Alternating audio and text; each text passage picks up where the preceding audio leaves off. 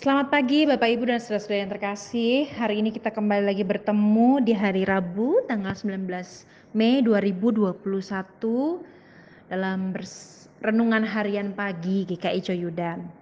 Dan di mana pun Anda dan saudara-saudara sedang mendengarkan renungan ini, sungguh kita semua percaya bahwa firman Tuhan yang akan kita renungkan adalah sebuah firman Tuhan yang tidak kebetulan, kita dengarkan tetapi ada rencana Tuhan, ada isi hati Tuhan melalui firman-Nya pada pagi hari ini. Mari sebelum kita akan disapa oleh kebenaran firman Tuhan, kita berdoa. Mari kita berdoa. Kami sungguh bersyukur untuk kehidupan baru yang sudah Bapak berikan kepada setiap kami. Kami bersyukur untuk mentari pagi, untuk udara yang segar yang menolong kami untuk kembali menghayati betapa Tuhan sudah menjaga tidur kami dan membangunkan kami dalam kesegaran di pagi hari ini.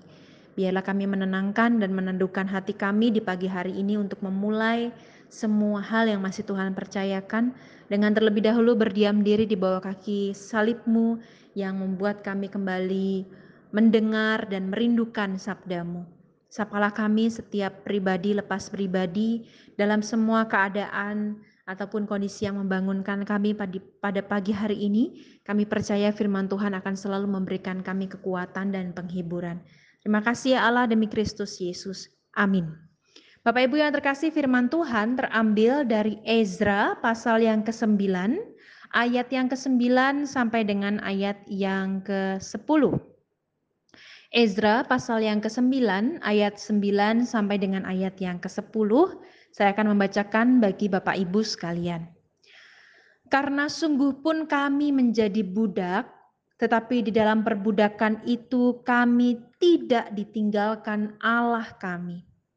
Ia membuat kami disayangi oleh raja-raja negeri Persia, sehingga kami mendapat kelegaan untuk membangun rumah Allah kami dan menegakkan kembali reruntuhannya, dan diberi tembok pelindung di Yehuda dan di Yerusalem. Tetapi sekarang ya Allah kami, apa yang akan kami katakan sesudah semuanya itu karena kami telah meninggalkan perintah-Mu. Bapak Ibu yang terkasih, apa yang baru kita baca yaitu dua ayat di Ezra 9, ayat 9 sampai dengan ayat yang ke-10 adalah sebuah eh, ayat-ayat uh, atau dua buah ayat dari ayat-ayat yang berada di dalam sebuah kesatuan tentang bagaimana Ezra sedang mengaku dengan penuh malu di hadapan Allah.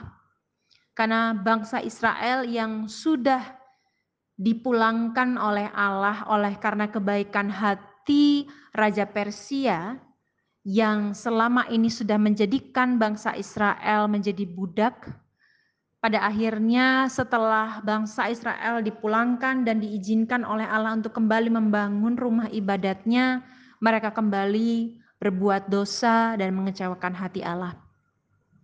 Sesudah mereka pulang ke tanah perjanjian dan juga membangun rumah ibadat, mereka pada akhirnya melakukan sebuah pelanggaran yaitu kawin campur.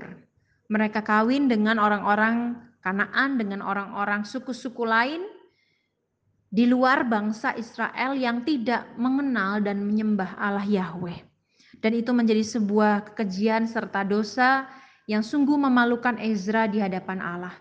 Oleh karena itu sebelum ia mengatakan kata-kata yang penuh dengan penyesalan atas kelakuan bangsanya, kalau kita baca di ayat-ayat sebelumnya kita lihat bahwa Ezra seharian tertunduk, malu dan e, berada di dalam sebuah rasa bersalah yang sangat besar. Bukan karena ia mengingat hukuman Allah, tetapi rasa bersalah dan rasa malunya itu besar karena justru ketika ia mengingat kasih Allah, ia sungguh-sungguh merasa bahwa dosa yang dilakukan oleh bangsanya ini betul-betul mengecewakan hati Allah.